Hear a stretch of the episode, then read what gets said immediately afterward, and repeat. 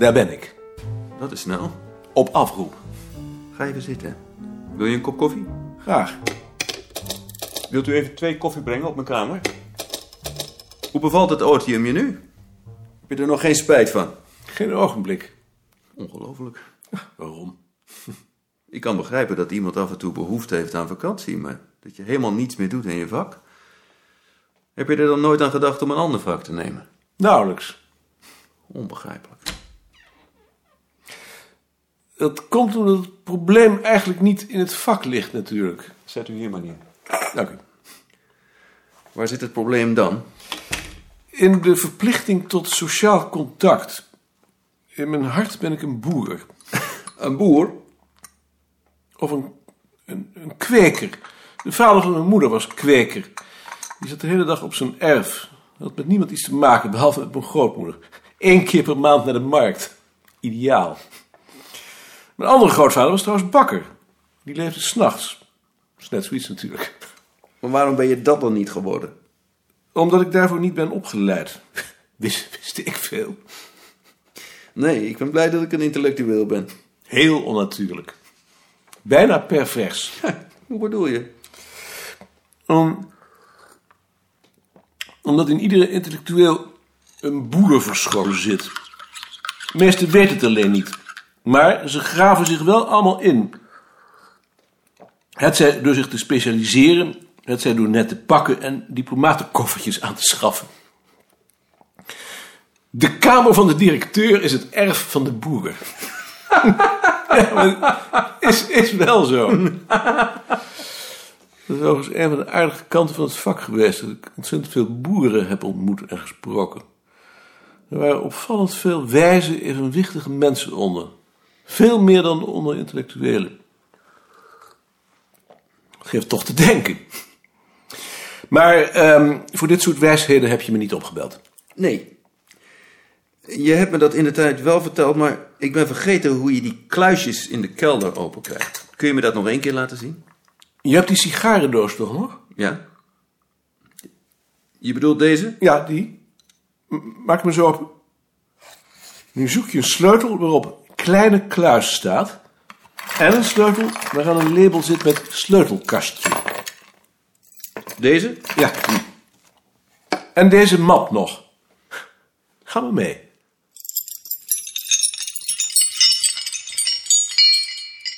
Dag meneer Koning, Dag meneer de Rook. bent u weer terug? Ik ben weer terug. En ik ga ook niet meer weg. Ja, dat is wel best.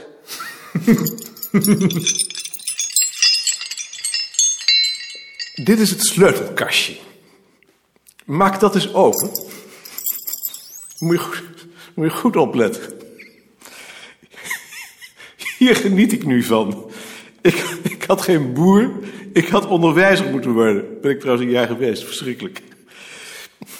Nou, je vindt in deze map onder elkaar de nummers van de sleutels... met daarachter het nummer van de kluis, want die corresponderen niet. En nou nemen we, laten we zeggen, kluis 5, die is van Balk geweest. Daarvan vind je hier het nummer van de sleu- sleutel. Dat is deze dus. En nu gaan we die openmaken.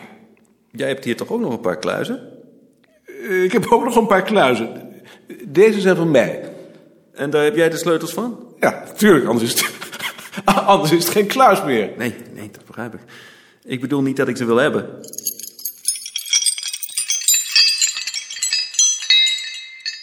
Je gaat nu zeker weer naar huis? Ik ga nog even naar boven, naar mijn afdeling. Naar mijn, eh, naar mijn, eh, mijn vroegere afdeling. Dus je komt er nog wel.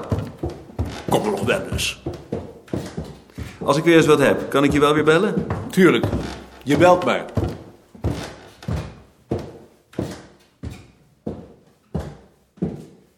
Zo. Zoon. Ha, Maarten. Eve, hoe gaat het? Goed. En met jou? Hoe was je vakantie? Goed hoor.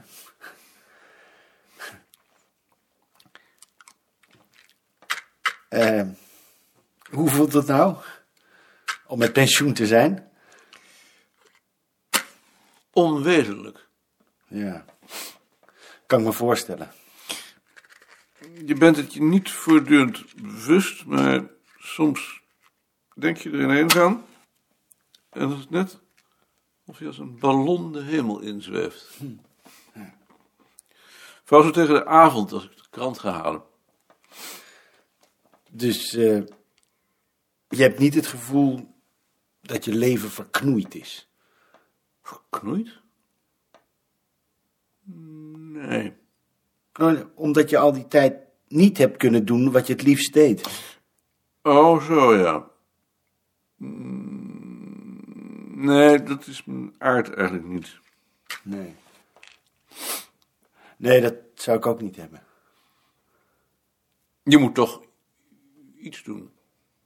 Ja, maar ik kan me voorstellen dat je iets doet wat je meer voldoening geeft. Wat dan bijvoorbeeld? Iets dat je liever doet. Maar als je nou het liefst op een stoel zit en een pijp rookt, Ja, of ehm, fietsen, of eh, wandelen, nee, dat, dat is er natuurlijk. dan kun je geen droog brood meer verdienen. E- Eigenlijk zou dat toch ook moeten kunnen. In de ideale maatschappij Ja, bijvoorbeeld. zou moeten kunnen. Een paar uur per dag met je handen werken en de rest vullen met niks. Dat doe je nu dus. Maar ja, dat doe ik nu. En, eh, en je hebt niet het gevoel dat je in een veel te grote ruimte terecht bent gekomen? Je bedoelt dat je je alleen gelukkig voelt als je onder druk staat? Ja, zoiets. Er zit iets in. Ik denk dat ook wel eens. Het mooiste is natuurlijk wanneer je je lot in eigen hand hebt. Ja. Maar dat heb je in onze maatschappij niet meer. Een, een boer heeft dat misschien nog wel. Ja, een boer. Maar nou noem je ook iemand. Op het erf van een boerderij waren drie boeren bezig een kalf uit een koe te trekken. Twee van hen trokken uit alle macht op hun hurken achterover hangend aan een touw dat om de poten van het kalf gebonden was. De derde streek de koe zachtjes over haar rug. De koe stond er bewegingloos bij, met gebogen kop. Een keer loeide ze klaaglijk. Ze keken vanaf het rijwielpad toe. Achter hen in de wei kwamen de andere koeien aanlopen. Ze verdrongen zich achter het prikkeldraad en loeiden opgewonden. De twee mannen trokken met zoveel geweld dat hij bang was dat ze het kalf zouden stuk trekken. De poten kwamen tevoorschijn, daarna de kop. Er kwam een gulp vocht uit de bek en plotseling viel het met een klap op de grond. Toen een van de mannen het optilde, leek het slap en levenloos. Hij gooide het weer op de grond. Ze bogen zich er met z'n drieën overheen. Een van hen haalde een emmer water. Ze begon het schoon te wrijven. De koe stond met haar rug er naartoe, bewegingloos. Uit haar lijf hing een lange, bloederige sliert met de nageboorte. Ze fietste er naartoe. Een echtpaar stond er naar te kijken. De vrouw was een dom, moederlijk mens. U komt net te laat. We hebben het net geboren zien worden. Kalfje. Wij ook, vanaf de weg. Heb ik nou nog nooit gezien terwijl ik er toch tussen woon. Ik heb er zelf wel eens een afgetrokken. Het kalf lag nat en zielig in het gras. Een grote, half verdronken hond. De poten met hun te grote gele hoeven naar alle kanten uitgestrekt. Hulpeloos. Het rochelde een beetje. Maar hij haalt het wel. En wanneer gaat hij nou naar zijn moeder? Maar hij mag niet naar zijn moeder. Zielig. Als u een alternatief hebt. Hard beroep hoor.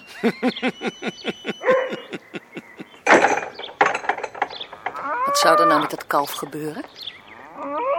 Het wordt geslacht. Het is een stierkalf. Meteen? Na een, na een tijdje. Eh, maakt dat veel verschil? Wat triest dat hij niet eens bij zijn moeder mag. Wat leven we toch eigenlijk in een rotwereld. Ik wou soms dat ik dood was. Ook die reactie kende hij. In mineur fietsten ze door Haarlemmerliede en langs de spoorlijn terug. Op de Haarlemmerdijk kocht hij de krant. Daarna aten ze bij de Chinees in de Haarlemmerstraat. Mifang met rundvlees.